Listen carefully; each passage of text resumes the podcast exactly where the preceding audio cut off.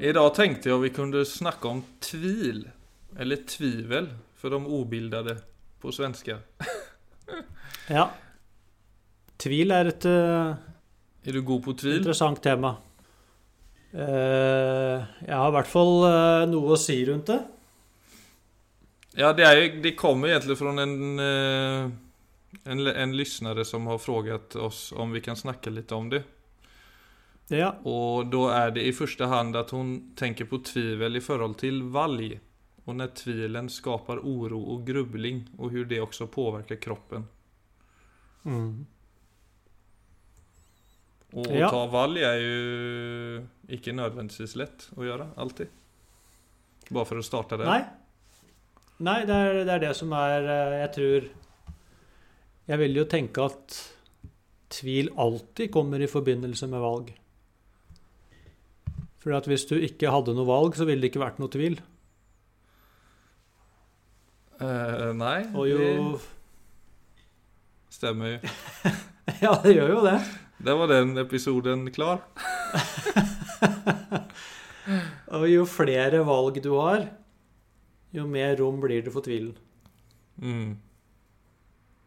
Så her er det noe veldig interessant. Klassisk eksempel med matmenyer. Är de få Ja, valg så, så det- bruker det gå litt lettere. Ja, det er akkurat det. Og det å Og det å Vi tenker jo ofte på valgfrihet som eh, nettopp frihet. Vi kaller det jo valgfrihet. Ja. Men mens eh, Personlig vil jeg si at det er helt motsatt. För mycket Altså, frihet är... jo, Jeg vil si jo mer Jo mer kjent du blir med deg selv, jo mindre valg får du. Mm. Fordi at det blir veldig tydelig for deg selv hva du må gjøre, og hvor du skal gå. Mm. Så, så hele den menyen av muligheter, den eh, blir bare mindre og mindre, inntil du kjenner det at du At du har funnet veien din. Men ikke livet blir inte mindre og mindre av at menyen blir mindre. Nei, det er, det, det er der vi ofte jeg tror sånn, Det er der det er lett å tenke feil. For det høres ut som det blir noe som blir eh, Det kan høres ut som om livet blir mindre. At det blir mindre mindre rikt hvis valgfriheten min såkalt blir redusert. Mens indre sett så vil du se at det er helt motsatt. Men det er, ikke, det er ikke fordi da at du får mindre valg fordi du er bundet av uh, ytre Nei, nei, nei, krefter. du vet hva du du Det vil. er det jeg tenker på. Ja. Nettopp. Og du kjenner, du kjenner deg selv. Så det blir veldig tydelig. Hvis du, jeg tror alle kan, eh, For å forstå hva vi snakker om nå, så kan man jo bare altså gå tilbake til en eller annen situasjon hvor du har vært helt klar på hva du Altså hva jeg kan gjøre og ikke gjøre i en situasjon. Mm. Og så kom bare da Så det var ikke noe tvil. Så vil du kjenne at du opplevde deg ikke bundet. Du opplevde deg ikke hemmet. Så da er vi, litt, da er vi Ja. egentlig tilbake til eh, altså Spinozas definisjon av frihet. Nemlig at frihet er å være determinert fra din indre natur. Det er en rar frihetsdefinisjon, men hvis du undersøker den, så vil du si at der sier han noe veldig dypt, Mm. som ofte går imot hvordan vi tenker i hverdagen. Så, så til det hun spør etter, så ville jeg egentlig tenke at uh, Altså det man innenfor eh, både vestlige og østlige altså visdomstradisjoner altså kaller skjelneevne eller diskrimineringsevne. Det er den som blir viktig. Som ofte i mytologien er symbolisert med et sverd. Mm. Så sverdet kapper bort alt som er overflødig. Den kapper Sverdet klarer å skille mellom det som er viktig, fra det som er veldig viktig. Du, kan, du kan si du har alt det som ikke er viktig, men som allikevel kan komme inn på den indre scenen og si ja, kanskje jeg skal gjøre det, eller kanskje det eller kanskje Dra noen eksempel, da. bare, På det om du klarer Eller For å få det inn i det, få det enda kjøttigere. Ja, så det kan være Stå andra till lags versus och göra det som är riktigt för en själv. Det är ju någonting man står inför hela tiden.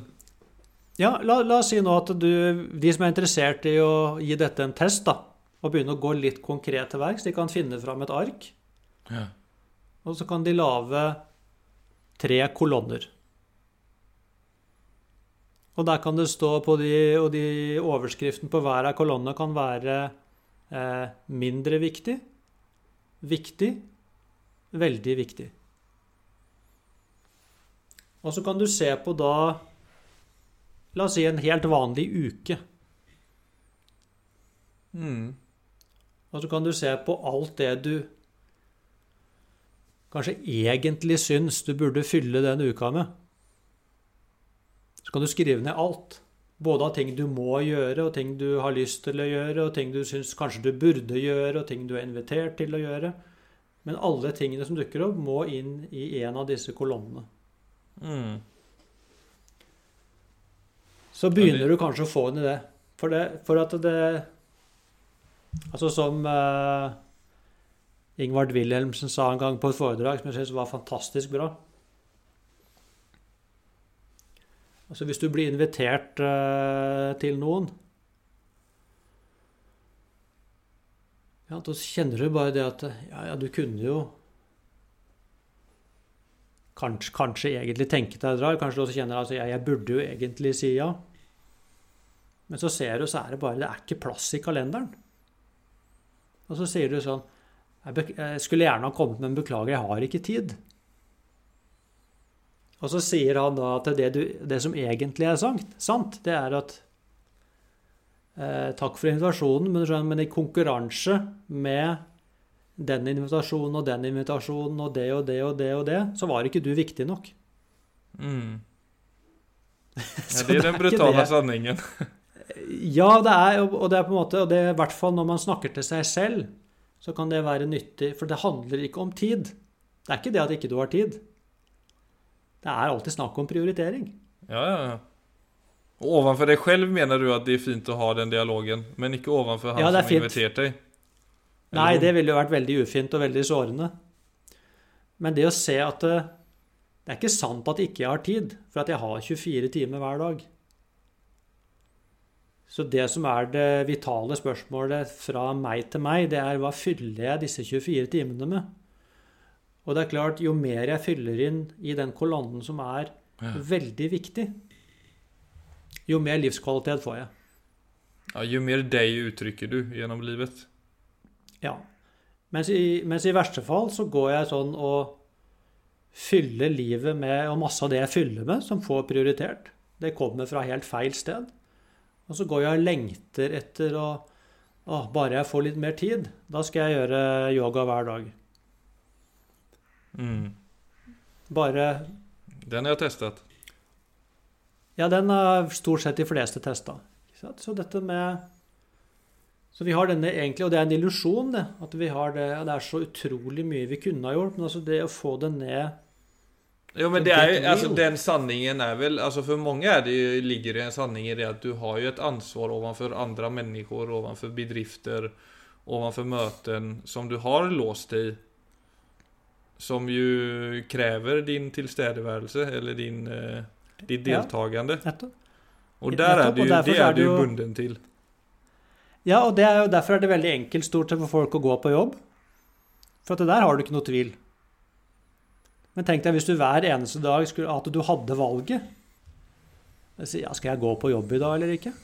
Ja du har jo det, Og så begynner det plutselig trots alt. Og da ville det jo blitt Å, nei, jeg er litt, jeg er litt trøtt, kanskje skal jeg sove en time til? Mm. Så hvis, så hvis den type mekanisme plutselig kom inn i Skal jeg gå tur med bikkja i dag? Nei, jeg vet ikke, altså. Jeg har ikke så lyst. Ikke sant? Skal Mm. jeg Men vi gjør ikke det på de tingene. For det er ikke Altså den Du kan si Friheten har vi ikke. Nei. Og dermed så blir det heller ikke noe uro eller uh, sjelekvaler rundt de tingene, for vi gjør det bare. Mm. Så, så det burde kunne Hvis vi begynner å reflektere rundt det, så kan vi gjøre ganske mange interessante oppdagelser. Mm. Mens innenfor andre områder så kan det være Oi, skal jeg gjøre det eller det eller det? eller det? Og så står, og for noen da så går du rett og slett i frys, og så klarer ikke ta et valg. Og det kan være på Der er folk veldig forskjellige, så jeg vet ikke helt eh, Men jeg tror hvis man bare kjenner igjen den situasjonen Jeg klarer ikke bestemme meg. Så tror jeg det kan være veldig nyttig å vende oppmerksomheten hjem igjen. Og se altså hvem Altså hvem er jeg egentlig? Hva er det som, hva er det som passer meg? Hvor mye prøver jeg nå å Altså bare fylle andres forventninger? For jeg tror det er der vi ofte går feil. altså Når vi kommer i, disse, kommer i tvil og uro og sånne ting, så er det det er ikke som vi prøver å få et regnestykke til å gå opp som ikke kan gå opp. Mm. Hvis jeg skal tilfredsstille den og den og den og den, men jeg skal også tilfredsstille meg selv, så vil du se at ikke det går opp. Så det å Men som i et mat... tenke at Som i en matrelasjon då, om du... For För det tror jag många står inför, alltså både eh, mycket och lite, men att du har... Du ska äta sunt eller osunt. Och vi alla Mm. vet ju att det är bättre att äta sunt. Men så är det också lov att liksom till tider spisa osunt. Det är inget fel i det. Mm. Men å då veta Hitta den balansen då. För du säger det, okej du, nu står du inför ett val, ska jag käka pizza eller ska jag kä- käka sallad idag? Så Ja. går du, så luter du deg tilbake mot dine egne verdier og kjenner at ah, det er jo sånn Om to timer så kommer jeg må bättre av å ha spist en sallad. For at det kommer gi ge et bedre bättre state of mind og en bet- et bättre samvete, typ. Kan det være for noen. Men så den Ja. pizzan er jo liksom frossing, det er digg der og da. Men det å hele tiden lute seg mot det man vet, alltså inom eh, er riktig. Och då ta liksom den, det sunda valet gång på gång på gång. Det kan man ju fort göra, men då kan det också nästan bli en rigid måte att leva på. Nettopp. Så der er där det är det gör det också ytterligere ett lager att lära känna sig själv genom att hitta den balansen. Helt enig, Philip. Og det er det, for meg så er det jo det som gjør menneskelivet så utrolig spennende. Du, du får ikke menneskelivet inn på et Excel-ark på den måten. Altså For da er det noe annet i oss som bare kjenner at sånn orker jeg ikke leve. Men det som, det som gjør at uroen og tvilen legger seg, det er jo selvinnsikt. Det er ikke noe andre, det er ikke noe billige løsninger eller noen enkle løsninger inn der. Det er den, det er den lange løsningen ved å bli kjent med seg selv på ordentlig. Å være Altså det å være streit. Altså vi har snakket om dette mange ganger. altså Det med å være autentisk, være ekte, være ærlig. Det vil til syvende og sist være det som også tar kål på, på tvilen. For vi kommer helt inn i konflikt. La oss si at jeg Det kan være sånne enkle ting. Sant? Jeg blir invitert på noe som jeg ikke har lyst til å, til å gå på. Mm. Ja, jag är i en situation Og for noen, for noen så er det en umulig situasjon. Hva, hva sa du, Philip? Ja, jeg er der. Ja, nu, jag har fått en... Nei, det, nej Viggo fortsätt du. Det kanskje jeg ikke kan si om den personen hører på podden. Og så kutt!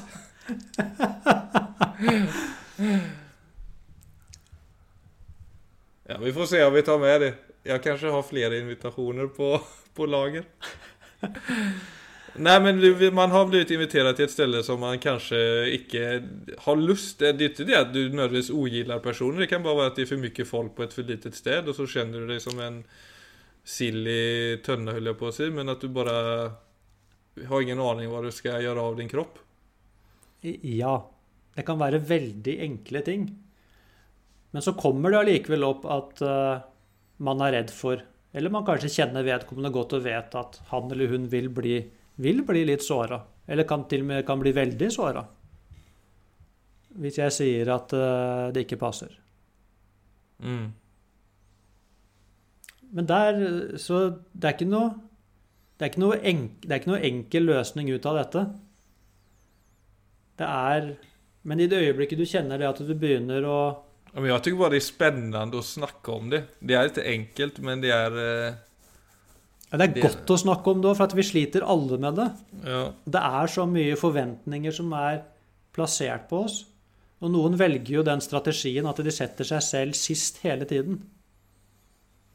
Så Mm. du blir helt utslitt av å fylle opp andres forventninger. Og så kjenner du på en måte at du Ok, det er i hvert fall ingen som er skuffet over meg, men det er jo da et eller annet hull som begynner å bli veldig stort inni meg, hvor det blir ikke plass til Altså, man blir levende på utsiden av seg selv, rett og slett. Mm. Så det er eh, Og det å kunne og så stikke fingeren i jorda og se at det er rett og slett bare en helt uautentisk måte å leve på. Så det er feighet, rett og slett. Så det er veldig mye altså feighet som blir kalt for snillhet. Det er en litt sånn brutal refleksjon å ta, men den kan være veldig frigjørende også. Å begynne å Mm. rydde opp i alle de tingene. Altså alle de ja. Alle de kontraktene. For vi har inngått en haug med kontrakter Mm. med andre mennesker. Så alle relasjonene våre, de er bundet opp i en kontrakt. Men det, er, det kan jo hende at jeg er en helt annen i dag enn da jeg skrev den kontrakten. Og den, kontra den kontrakten skrev jeg jo selvfølgelig helt ubevisst. Men vi er bundet av de tingene. Bundet opp i alle de forventningene som ligger der. Mm. Og da kommer jo hele tiden valgets kvaler. For det er sånn du kan, høre, du kan nesten høre at du har 100 stemmer i deg, og 30 av dem sier ja, 30 andre sier nei, og så er det 40 som sier 'jeg vet ikke, jeg vet ikke, jeg vet ikke'. Nå skal jeg ta et valg i det. Det er klart det blir uro. For jeg er splitta. Så Mm. uro skjer bare når jeg selv blir fragmentert. Mm. Så hvordan bringe meg selv til en enhet og en helhet? Jo, det kan jeg kun gjøre ved å bli kjent med alle mine sider.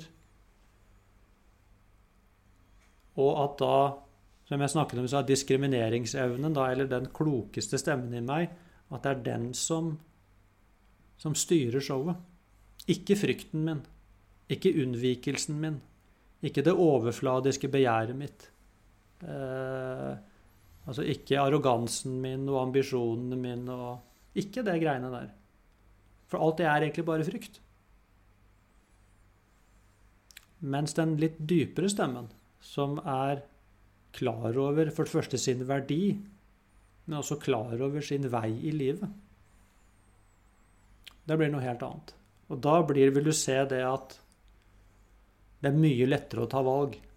For du, du begynner å få en følelse av hvem du er og hva som er la oss si, et riktig valg for meg. Og da snakker jeg ikke om moral. Jeg snakker om noe mye dypere. Ja, Det å kjenne at du velger som deg selv. Og og nå snakker jeg da ikke om ego. Jeg snakker ikke om hva du har lyst til. Jeg snakker om hva du, hva du kjenner er riktig for deg. Ikke sant? Og på det stedet jeg snakker fra nå, så er alle andre også inkludert. Så det er ikke sånn at dette er meg, meg, meg, meg, meg. Men det er ikke, den, eh, det, er ikke det hensynet som kommer fra kontraktene. Det ikke inte den som- självuppofrande Nej. sidan. Det er, den, eh, det, er det som tar For det føler jeg er et element som ligger i alt det du snakker om egentlig. Om det er liksom Altså både arrogans og otrygghet og please andre Altså uansett egentlig hva det enn er, Så er det et slags Ja, en sånn følelse, i Jeg kan bare snakke for meg selv, själv men at du Du ofrer litt liksom deg selv for å redde en situation eller for å fylle en roll. Mm. Men Ja. Og det er jo det, det, man kan jo være klar over det og gjøre det i situasjoner, men Det har jeg nok gjort altfor mye mycket i livet, det har jeg sagt tidligere. Men at man, eh, Mm.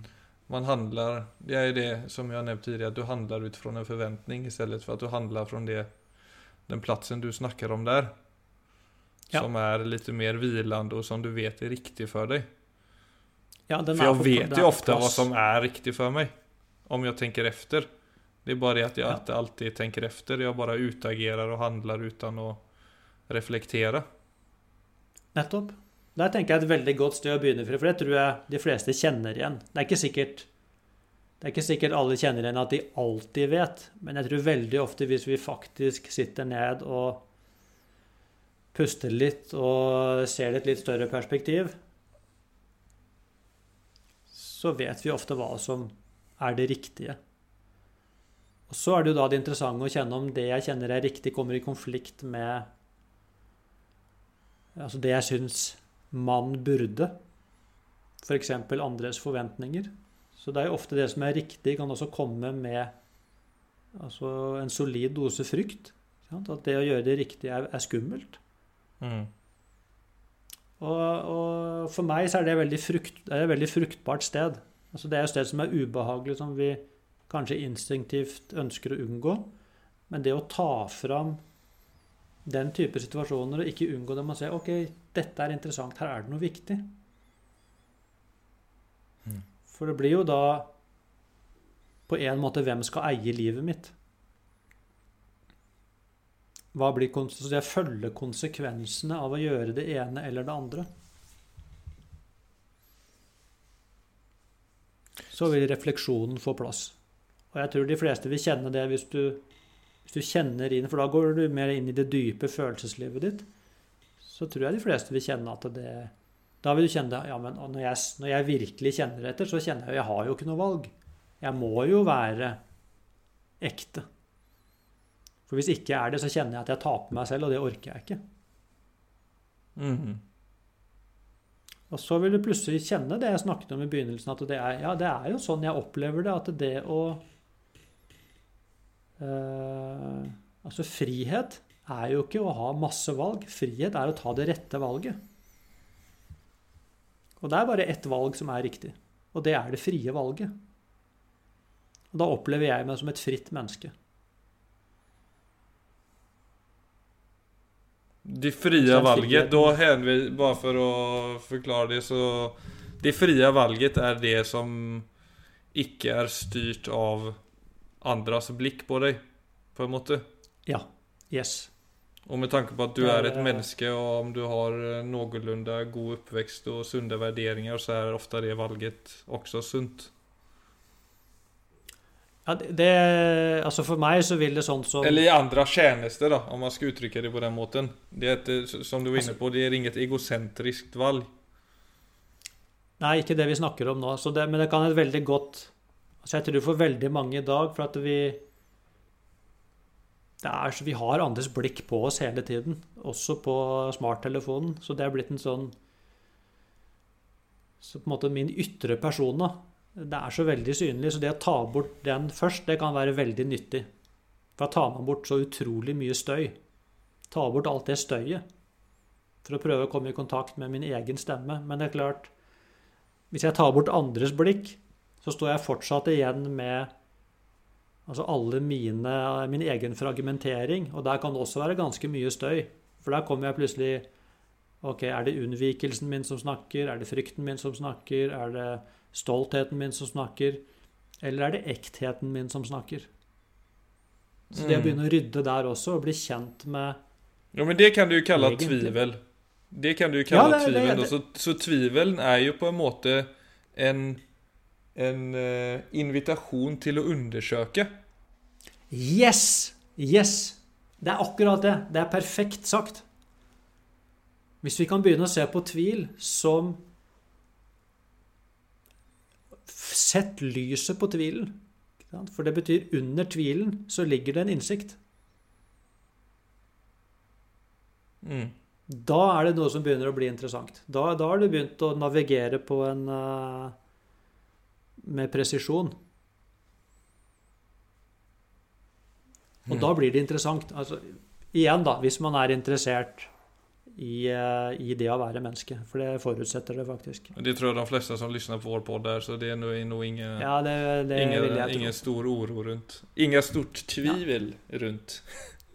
Ikke noe tvil rundt det. Nei, og hvis man er interessert i å leve et godt liv, og det er jo faktisk alle, Ja, det så kan hoppas du ikke Du kan ikke komme til et eh, Altså et virkelig godt liv, faktisk, før du begynner å rydde opp der. Et virkelig godt liv. Nei, og hvorfor tviler jeg, er ett helt greit spørsmål å stille seg, oavsett hvem man er. Ja, virkelig. Ja, virkelig. Og også se på da Se på alle tendensene mine. Og da må jeg også se på Også sette lyset på det jeg vet er mine egne svakheter. Som vi ofte ikke liker å se på. Der jeg på en eller annen måte har et sår. For at der jeg har et sår, der vil jeg alltid kompensere. Så jeg må også bli kjent med mine egne eh, altså strategier for å kompensere for usikkerheten min. For da vet Mm. jeg det at det vil, ofte kjen- det vil ofte kjennes riktig. Men ved litt mer selvinnsikt så ser jeg ah, ja, men det kjennes jo riktig bare fordi jeg er usikker der. Så det er jo egentlig Mm. bare usikkerhet. Ja.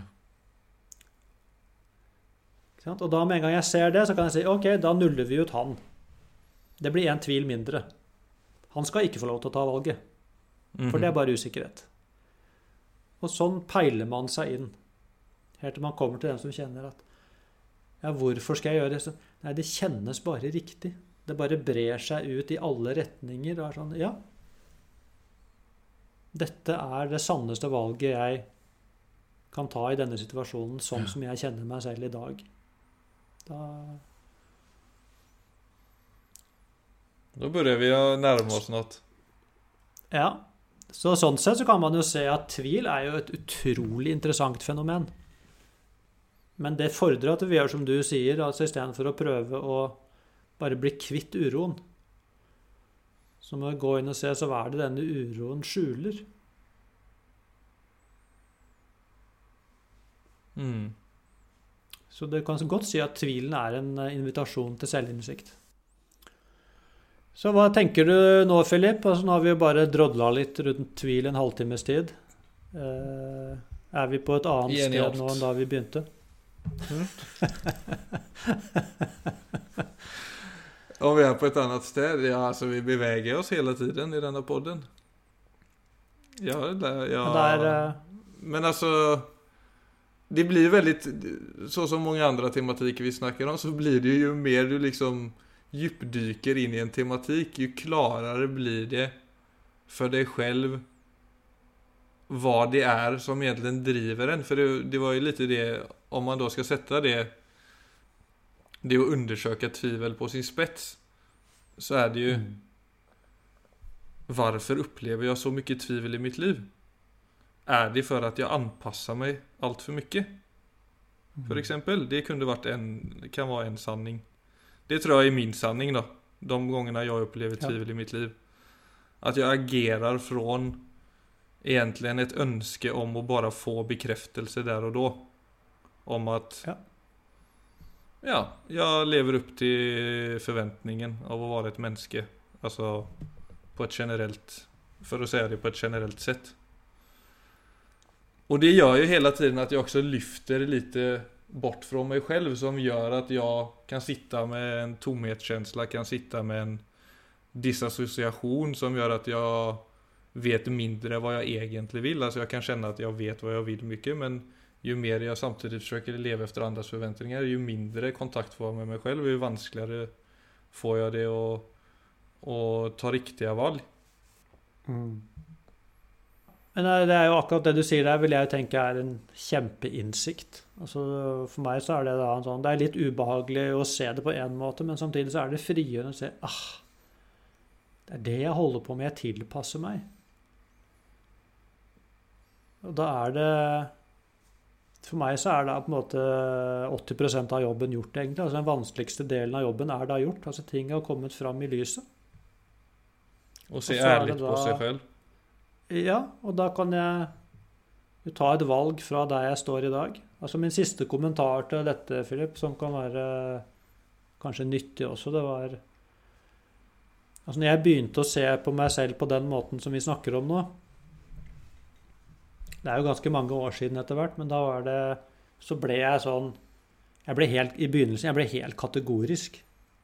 Så hvis folk inviterte meg på noe ikke jeg hadde lyst, så var jeg var jo helt rootless. Jeg var jo kjempeuhøflig. For det ble Det ser jeg framfor meg. Den stenhårde munken, liksom. Ja, ble virkelig, virkelig stenhård, altså. Det var uh... Her var det no Så bullshit. jeg, ja, altså jeg, jeg gikk Du vet, altså, du har, du har gått altfor mye til venstre Ja, ja, ja, liv, og så oppdager du det. Og så er det veldig naturlig da at du, du går motsatt litt for hardt, da. ja det vanlige livet men- det blir helt uspiselig. Ja, det, det tok, tok meg faktisk ganske mange år å, å klare å finne en god balanse til det. Så, og jeg sier dette fordi det kan være nyttig, nyttig å høre det, faktisk. Det er mange som Men har sånn den reaksjonen, tror jeg også. Faktisk. Ja, jeg, jeg lurer på det, men På sånn som i dag, da bare, bare så det er sagt, altså i dag så, så gjør jo jeg veldig mye som ikke jeg har lyst til. Eh, Og som jeg gjør av Altså av eh, Som er verdiforankret. Så det er ikke det at man, at man nødvendigvis slutter å gjøre Men spørsmålet er gjør du det av frykt, eller gjør du det av en annen grunn. Det kan være greit å sjekke inn. Så det er ikke nødvendigvis den ytre handlingen som er så viktig, men det er hvor kommer den fra i meg. Så for meg så var den første tingen jeg egentlig trengte å gjøre, var å ta et oppgjør med frykten. Og da ble jeg jo veldig kategorisk i det ytre. Mm. Og så, etter hvert som jeg viste for meg selv at ja, nå vet jeg det, jeg er ikke drevet av det lenger, så kunne det faktisk komme noe som var, som var dypere, og som da også blir Ja, så du finne et perspektiv altså, perspektiv som gjør at du lyfter lite. Altså, jeg mener, er du invitert på et bryllup som du ikke har lyst til å gå på. Så kan ju du, alltså på den andra sidan komma i kontakt med den enorma glädjen som kanske de som gifter sig då, eller, ett, eller enorma glädjen, men att, att du hittar din, ditt deltagande fyller ju en Klart det. på många Ja, det plan. er klart det er utrolig, utrolig viktig. Så er det noe med å få med seg hele bildet. Men, eh, men det som er viktig i dette, blir jo da også at jeg Altså, jeg kommer og går som et helt menneske. Så jeg kommer ikke selv i konflikt. Så det er noe med å kunne ta alle valgene helt hjem. Det blir veldig, veldig stor forskjell. Du kan godt gjøre det samme, men det som skjer, er to forskjellige ting. For det ene er en fragmentert handling. Det andre er en integrert handling. Men handlingen kan være den samme. Det er det som er så interessant. Mhm. Så denne store reisen skjer i meg, og deg selvfølgelig. Det skjer i oss. Mm. Mm. Ja. Ja. Okay. Flott, Philip. Takk for i dag. Da rapper så Takk vi. i dag. idag.